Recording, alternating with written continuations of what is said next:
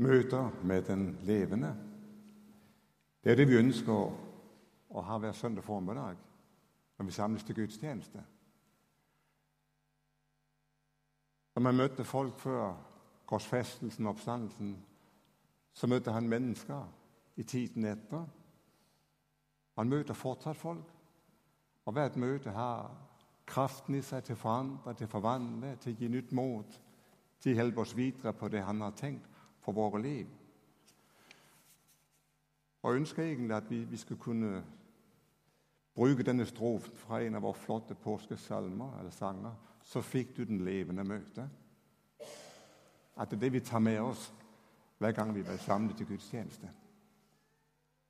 I formiddag skal vi da vandre litt med to menn. Og vi møter dem i Lukas evangeliet, kapittel 24, vers 13 til vers 35. Samme dag var to disipler på vei til en landsby som heter Emmaus, 60 stadier fra Jerusalem.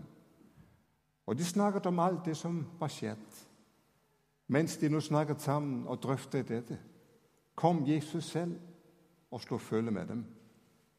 Men øynene deres ble hindret i å se, så de ikke kjente ham igjen. Han sa da til dem, 'Hva er det dere går og snakker så ivrig om?' De stanset og så bedrøvet opp. Og den ene, han som het Kleopas, svarte, 'Du må være den eneste tilreisende i Jerusalem som ikke vet hva som har hendt i disse dager.' Hva da? spurte han. Det med Jesus fra Nasaret, svarte de. Han var en profet, mektig i ord og gjerning for, Gud, for Gud og hele folket. Men våre overprester og rådsherrer utleverte ham og fikk ham dømt til døden og korsfestet ham. Og vi som hadde håpet at det var han som skulle befri Israel. Dessuten, i dag er det alt tredje dagen siden det hendte. Og nå har også noen av våre kvinner blant oss gjort oss forvirret. De gikk ut til graven tidlig i dag morges, men de fant ikke kroppen hans. De kom tilbake og fortalte at de hadde sett et syn av engler som sa at han lever. Noen av våre gikk da til graven, og de fant det slik som kvinnene hadde sagt, men ham selv så de ikke. Da sa han til dem, så uforstandige dere er og så trege til å tro alt det profetene har sagt. Måtte ikke Messias lide dette, og så gå inn til sin herlighet? Og så begynte han å utlegge for dem det som står om ham i alle skriftene, helt fra Moses av og hos alle profetene. De nærmet seg nå den landsbyen de skulle til. Og Han lot som om han ville dra videre. Men de ba ham inntrengende bli hos oss det lir mot kveld, og dagen heller. Da gikk han med, inn og ble hos dem. Og mens han satt til bords med dem, tok han brødet, ba bønnen, brøt det og ga dem. Da ble øynene deres åpnet, så de kjente ham igjen. Men han ble usynlig for dem. Da sa de til hverandre, brant ikke hjertet i oss da han talte til oss på veien og åpnet Skriftene for oss? Og de brøt opp med en gang og vendte tilbake til Jerusalem. Der fant de alle de elleve og vennene deres samlet. Og disse sa, 'Herren er virkelig slått opp og har vist seg for Simon.' Så fortalte de to om det som hadde hendt på veien, og hvordan de hadde kjent ham igjen da han brøt brødet. Herre, hellig oss i sannheten. Ditt ord er sannhet. Jeg vokste opp med et ordspråk som lyder slik Tap og vinn med samme sinn. Jeg har aldri syntes det var moro, det her. Jeg har aldri likt det ordtaket. Jeg elsket å konkurrere har alltid skulle vinne med alle midtene. Først var det mine søsken det gikk utover, og så andre senere hen. Barn og barn og barn har spilt, og jeg får det vite. Kan du ikke rote litt ned og la de få lov å vinne? Jeg tenker, Hvorfor i all verden skulle det? Er det noen som kjenner seg igjen? Eh, denne dagen så møter vi to tapere som hadde satset på Jesus. De var brutt opp fra sin sammenheng og var begynt å vandre med ham. Og nå føler de at de har tapt. Forgjeves, forspilt. To ganske vanlige menn. Den ene kjenner vi navnet på. Kleopas. Og den andre det er her anonym. Vi kjenner ikke noe til alderen deres. Men mange av dem som fulgte ham, det var ungdommer. På 20-årene oppover. 30, kanskje noen litt eldre. De var jøder med håp til framtiden og til Gud. En dag skulle Gud sende frelseren Messias. Tenk om vi får oppleve denne herlige dagen og synge 'Oh Happy Day. Så møter de mannen fra Nasaret, og han ga næring til deres forhåpninger. De valgte å følge ham, de ble disipler. De hadde noe å leve for, de kjente iveren, begeistringen. De var tent i brann. Så fantastisk herlige dager. Det var livet, det her. Og Det var kanskje blant de 70 som Jesus en gang sendte ut. Og de opplever Guds rike fungerer. Syke ble helbredet. De opplever det her, det er virkelig. Så fantastisk at vi to skal få lov å oppleve alt det her. Og så plutselig skifter alt så fort. Etter den fantastiske palmesøndag ble Jesus ryddet av veien. Tatt til fange, dømt til døden, drept, korsfestet. Og nå har man ikke engang en grav å gå til hvor man kan holde minnene ved like og komme litt blomster for å tenke på det som var. Det var noen kvinner som, hadde, som påstod de hadde sett Jesus og noen engler. Men skulle man tro på dem? Så lett bevegelige og følsomme som disse kvinnene var. ikke sant? Og mennene de så bare den tomme graven. Og da kommer det opp i den. Det er forbi. Vi kan like gjerne begynne vandringen tilbake til det som var. Vi har opplevd et eller annet, men det er over. Vi går tilbake til det livet vi kjenner til, hvor vi har tryggheten. Jeg vet ikke om du fornemmer skrittene når de begynner vandringen tilbake. Den tunge gangen, de triste ordene. Gløden hadde sluknet. Vet du hva? I mange sammenhenger så forsvinner gnisten under tiden for oss mennesker. Den kan forsvinne i et ekteskap. Den kan forsvinne i, mellom venner, i foreningsliv, i menighetsliv, ideelle organisasjoner. Og Vi kjenner alle til noen som en gang ivrig var med, og som vil gjøre alt for å tjene Jesus. Men vi ser dem ikke lenger. Og hvordan står det til med oss selv? Kjenner du gløden? Kjenner du begeistringen? Har det bare blitt tradisjon? Har det bare blitt vane? Og Noen ganger så resignerer vi av og finner oss med tingenes tilstand. Det er jo sånn det, kan, det må være. Det kan ikke alltid være begeistring og glede og glød. Og Vi kan stille oss til spørsmålet hvorfor forsvinner begeistringen, entusiasmen, gløden? Og det finnes sikkert utrolig mange svar på det.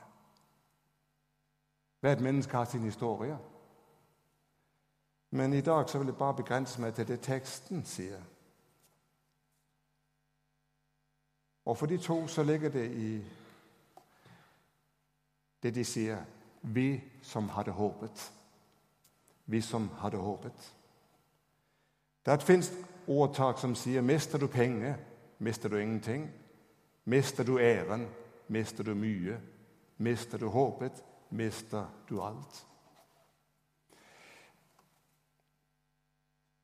De her to mennene hadde som mange andre av de som fulgte Jesus, en ramme hvor Messias skulle passe inn. Rammen bestod av litt bibelsk materiale. Den bestod av litt ønsketenkning. litt nasjonalisme. Og Jesus skulle være bildet som passet inn i denne rammen.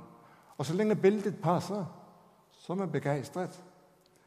Men den dag bildet blir for stort, så gripes det av motløshet og gir opp. Og Jeg kjenner fra meg selv og fra mange andre mennesker vi har våre ramme. Slik og slik er Jesus. Slik skal han være. Og Vår ramme er også en blanding av litt bibelsk substans, litt lovsang, litt personlige ønsker, litt behov og en god del tradisjon. Og Her innenfor her skal Jesus være. ikke sant? Og så lenge vi, på en måte har kontrollen, og, ja, så, så, er det bra. Men det er da ikke, bildet ikke passer til rammen, det er andre ting vi møter, så sluknes gløden gradvis. Vi har bilder av Jesus. Vi kan ha bilder av hvordan det er å skulle være en kristen. Jeg hadde trodd det skulle være slik. De hadde fortalt meg at det var sånn når du først ble en kristen. Eller jeg hadde trodd at menighetslivet skulle være annerledes. Og Det er mye å sette fingre på når det gjelder menighetsliv. Han møtte fra mange forskjellige sider. Han møtte fra de positive, fra de negative fra de på en måte likegyldige sidene òg. Jeg hadde håpet det skulle være annerledes. Jeg Jeg hadde trodd det skulle være annerledes. Og Når det ikke blir slik som vi hadde tenkt, ja, ja, Derfor har vi nøye oss med noe mindre. Eller vi kan bare begi oss tilbake til det som var, eller der vi kom fra. Og Her går de to mennene så vi som hadde håpet. Del av de gode minnene, men del også frustrasjonene. Desillusjonert er de. Men det som er fantastisk å dele med hverandre denne formiddag, det er Jesus oppsøker disse to. Han vi kjenner navnet på Kleopas. Hvis jeg spurte på forhånd kan du navnet på en av de to Emaus-vandrerne, lurte på hvem som kunne det. Men her er han nevnt den eneste gang i hele Bibelen. En historien og ut av historien. Den andre Lukas kan ikke komme på ham. Han har sikkert spurt husker dere hva han het. Nei. Den hellige ånd har ikke gjort seg umake med å minne ham om det heller. Hvorfor? Jeg tror de her to skal på en måte representere de anonyme kristne til alle tider. Og vet du hva? Hvis verden står om 100 år, så er det ikke noen som husker en eneste en av oss her. Jeg tror ikke det. Jeg har levd så lenge med i menigheten og har møtt folk som har stått og vært fram, og man har kjent noen av de store stjernene i menigheten. Ti år etter så er de nesten glemt. Men hva gjør det? Spiller det noen rolle?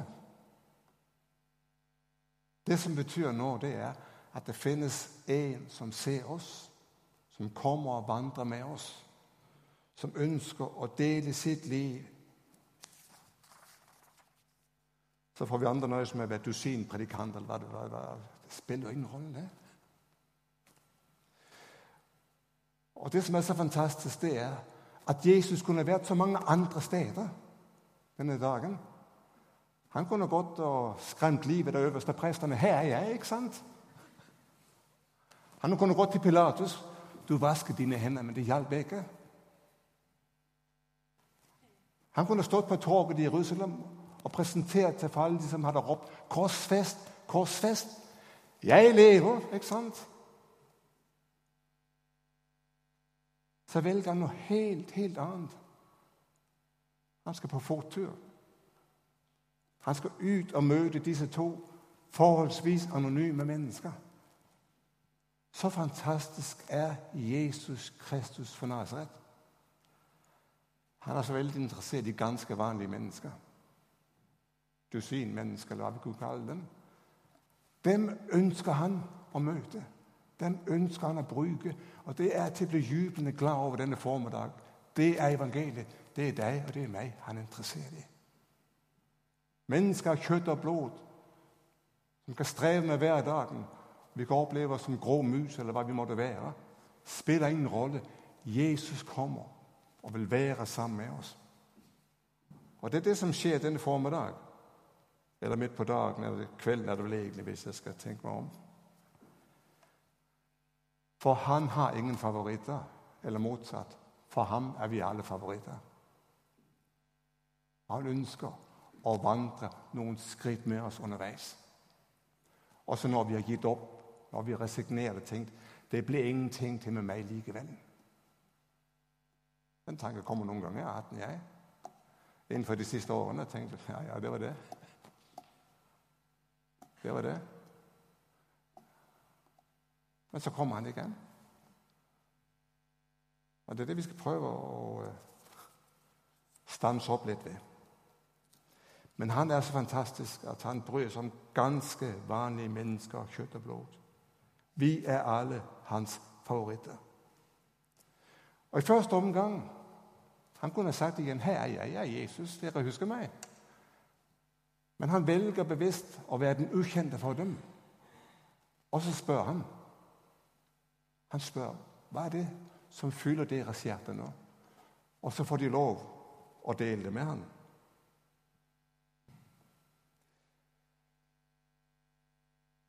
Og så er det så godt for dem å få sagt det. Satt ord på den frustrasjon og den håpløshet de kjenner. Og Jeg skal ta det samme bibelverset som vi tok for 14 dager siden nå. Og Du husker det helt sikkert. Salme 62, vers 9.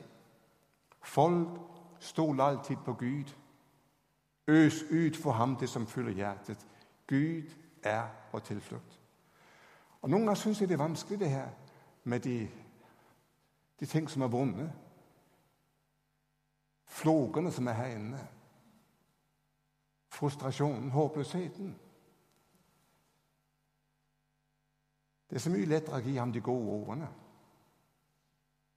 Det er så mye lettere å synge 'Herre, du er stor', jeg priser deg, jeg lover deg, takk for alt. Men å si 'Herre, jeg skjønner ikke det her'. Jeg skjønner ikke livet. Jeg skjønner ikke deg, Jesus. Jeg skjønner ikke hva du holder på med. Smerten, håpløsheten, klagen, den holder vi for oss selv.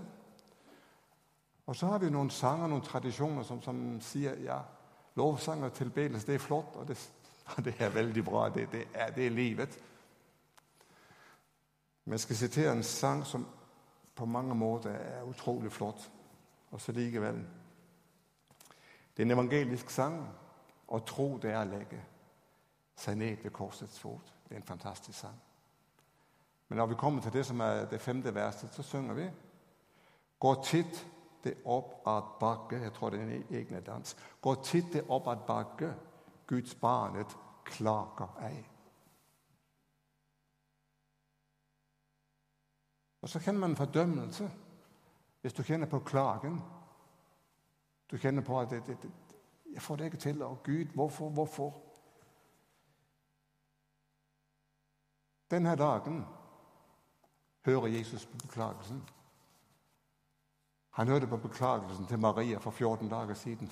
'Hadde du vært her, var min bror ikke død.' Han tar så gjerne imot. 'Herre, jeg er syk. Jeg har bedt så og så lenge.' 'Herre, jeg er trøtt. Jeg orker ikke mer.'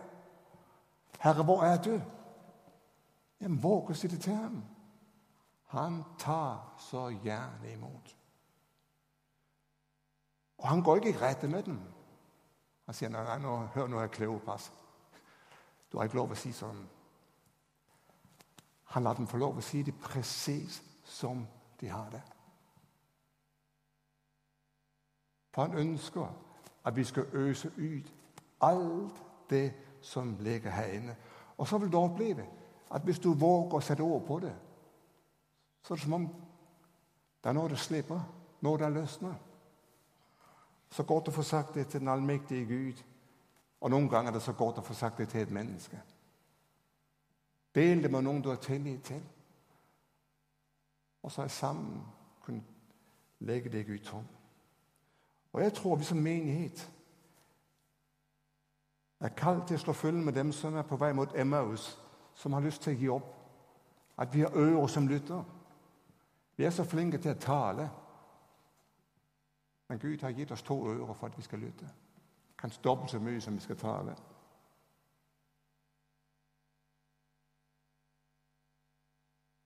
Øs ut. Øs ut. Hva er det Jesus ønsker med de to disiplene? Han ønsker de skal komme tilbake. Han ønsker de skal være med og tjene Gud. Han ønsker de skal være vitne om hans død og oppstandelse. Etter oppstanden så møter han det står til disipler. Og Det er dem han skal bruke videre framover i mestermøter. Han møter dem på forskjellige måter. Noen skjønner øyeblikkelig hvem han var i noen sammenhenger. En forteller meg tilbud om 'kjenn på meg'. Men denne gangen er det annerledes. Han holder en bibeltime. Han tar Det gamle testamentet fram. Han kunne det sikkert utenat, han. Og så går han igjennom skrift for skrift. Og sentrum i det han underviser i, det er døden. Hans død. Soning av all verdens synd. Han sier over syndens makt og dødens makt. Ordet, men hele tiden tilbake til sentrum. Han fører dem tilbake til korset. Og de kjenner at når Guds ord blir levende, og når korset er i sentrum, så skjer det noe med det indre mennesket. Det begynner en liten gnist tennes. Og Jo mer han underviser, jo mer han forkynner, jo mer jeg kjenner de. Det følger meg, det her. Vi er jo tilbake til det vi var ved da han vandret i verden. De skjønner ikke hvem han er fortsatt, men de kjenner det er verdens sentrum. Det er livet, det er virkeligheten. Det er det som er verdt å leve for. Brant ikke våre hjerter når han åpner Skriftene for oss. Og Senere så bryter han brødet, og tanken er sikkert når vi er tilbake ved nattverden. På ny føres de tilbake til, til korset.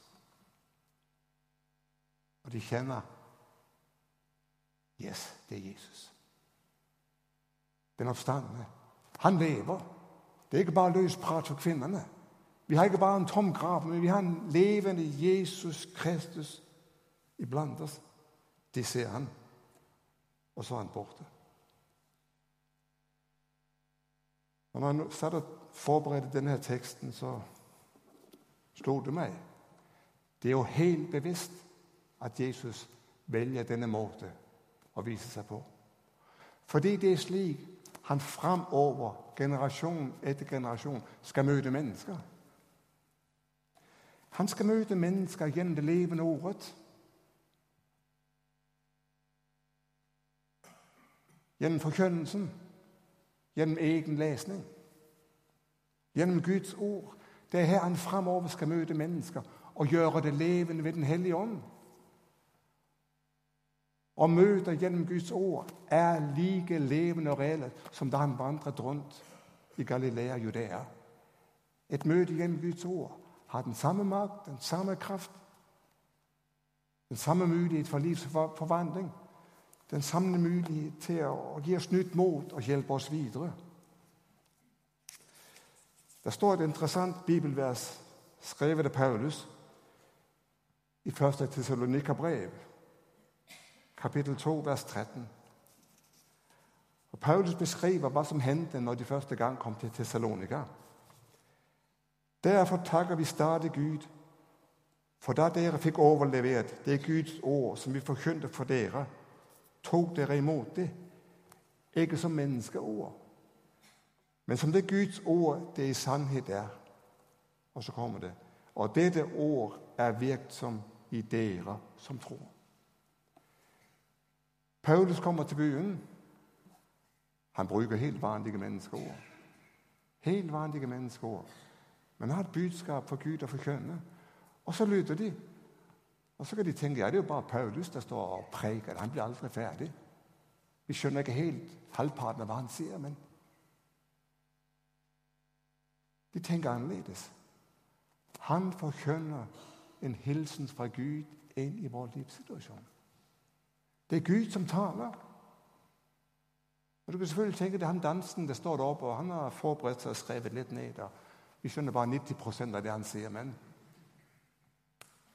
Greit, så blir det med det. Hvis du hver gang du hører Guds ord forkynt, uansett hvem det er, tenker nå taler Gud. Gud mener det han sier. Herre, jeg ønsker å ta imot det. Så vil du oppleve det som du opplevde i Tessalonika. Gud virker. Gud tenner meg i brann. Gud gir meg næring for troen. Det er fortsatt mennesker det står og formidler det. Prøv å sende til budskapet. Prøv å få tak i det Gud har på hjertet for deg og ditt liv. Og du skal kjenne det er makt og det er kraft. Her er den levende Jesus.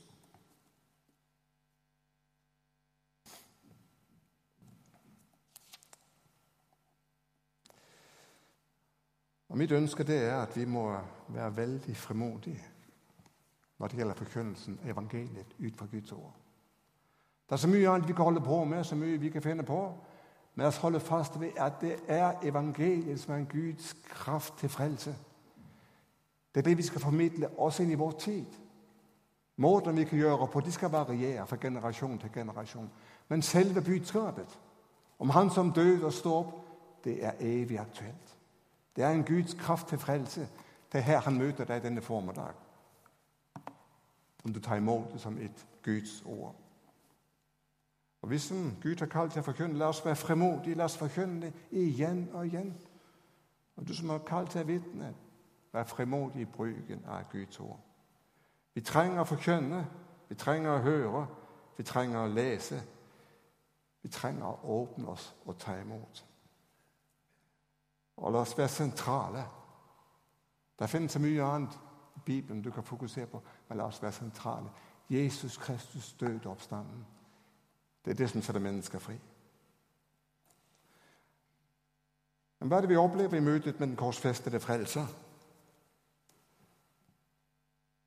Vi opplever at vi er syndere. Vi opplever at for at jeg skulle bli kjent med Gud, så måtte han betale en pris. Guds hellige sønn. På grunn av min hardhet, på grunn av min kulde i hjertet, så måtte han gå denne veien. Vi møter Guds kjærlighet som kalles nåde. Og Vi trenger å møte den livet igjennom når håpet brister og vi har lyst til jobb. Så går vi tilbake til Golgata og ser hvor høyt Han har elsket. Vi trenger å møte det sentrale budskap hver dag for at ilden skal få næring. Vi trenger å møte det for at fellesskap skal fungere både innad og utad.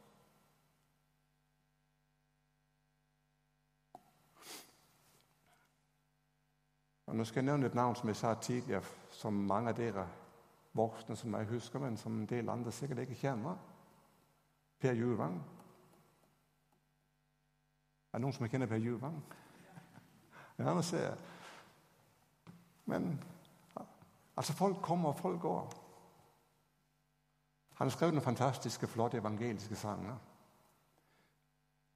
Og En av de som, eh, som jeg syns er finest, det er når, når, jeg ser min kjære frelser dø for meg på Golgata. Og så kommer koret. Grepet da jeg blir. Alt til ham jeg gir. Det er noe med det her korset. Måten vi, vi, vi synger om det på, det varierer. Musikkstil skal få lov å variere. Men det sentrale når vi får lov å se Jesus Kristus som korsfestet Han gjorde det for meg. Da kjenner jeg i hvert fall Da begynner gnisten på ny å tenne tegnet. Og Disse desillusjonerte menn kjente gløden på ny. Og så står det De brøt opp med en gang og vendte tilbake til Jerusalem. Det var kveld. De skulle hvile. De skulle sove til og med, kanskje. Det var mørkt. Men vi kan si det ble Emmaus tur retur. De skulle til Jerusalem igjen. De måtte bare. De kunne ikke la være. Jeg har til og med sett dem små løpe for mitt indre blikk. De måtte tilbake og begeistret fortelle vi har møtt Jesus Kristus. Han lever. Han lever. Et nytt håp, en ny livsgnist. Jeg vet ikke om du har hørt den her, men Det var en lærer som prøvde å forklare skoleelevene hvorfor pinsen ikke falt på samme dag hvert år, slik som julen gjør. Og Da han hadde prøvd å forklare det så godt som mulig med denne bevegelse frem og tilbake, så det er en der spør er det det vi kaller pinsebevegelsen. Kunne jo vært det.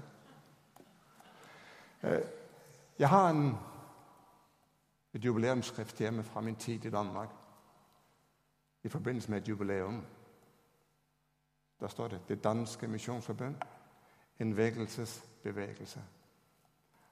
Og Hver gang jeg liksom ser den tittelen, så tenker jeg Og det gjelder både Det danske misjonsforbund og Misjonskirken Norge. Er vi i bevegelse? Er vi i bevegelse? Eller ligger det beste bak oss? Kan det la oss bevege på ny? Er Gud ut med et budskap til mennesker som trenger ham? Eller er vi fullstendig stivnet og er fornøyd med det? Det er så lett å resignere og si ja, ja, det var det. Gud ønsker mennesker i bevegelse. Som etter et møte med den korsfestede reiser seg opp, om det er natt eller uansett når det måtte være, og går med et budskap til Guds menighet, til de andre, for å sette mot i dem, og videre ut i verden for å si Jesus Kristus lever. Gud ønsker mennesker i bevegelse, også i vår tid. Og Vi skal være en menighet i tiden, men vi skal være det for evigheten. Skjønner du tanken?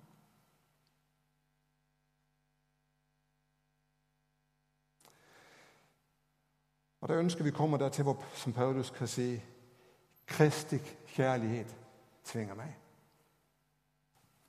Jeg kan ikke la være. For jeg har møtt ham. Med brennende i ånden sier han et annet sted. Tjen Herren.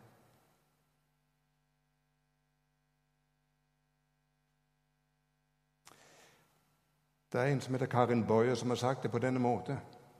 Man kan ikke være lykkelig ved å ha nådd et visst mål. Den stadige, vedblivende utvikling og bevegelse gir lykke. Nå står skudd utover en forsamling som sitter stille nå. Om ikke så lenge så går vi herfra. Går ut og møter resten av søndagen og ny morgendag. Uken går med sine aktiviteter på hjemmefronten og i menigheten. Og mye aktivitet, men, er vi i bevegelse? Ja, vi er alltid i bevegelse, men hvor er vi på vei hen?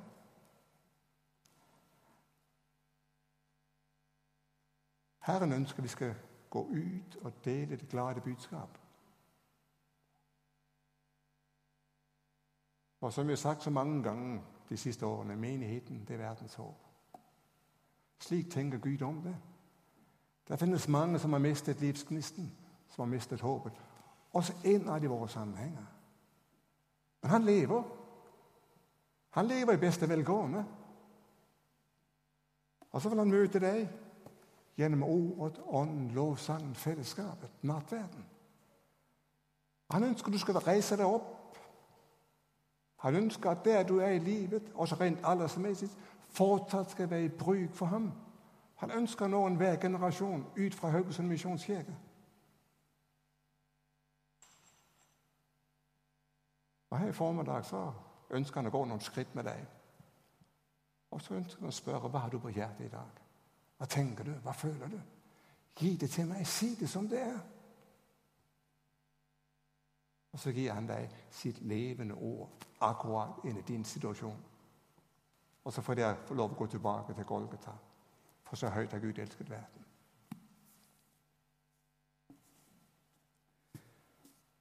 Vi skal be sammen.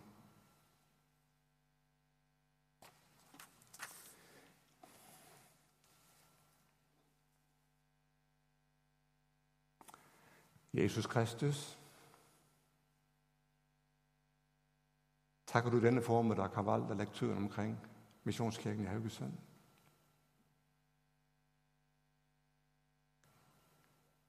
Vi er ikke den største og flotteste menighet i denne verden, men vi vet at du elsker oss, og du kjøpte oss med ditt eget dyrebare blod. Du vet hva den enkelte tenker av oss denne formiddag. Du vet om vi, vi brenner for deg, om vi er på det jevne, eller vi holder på å miste både tro og mot og gnist. Men du er her, Jesus.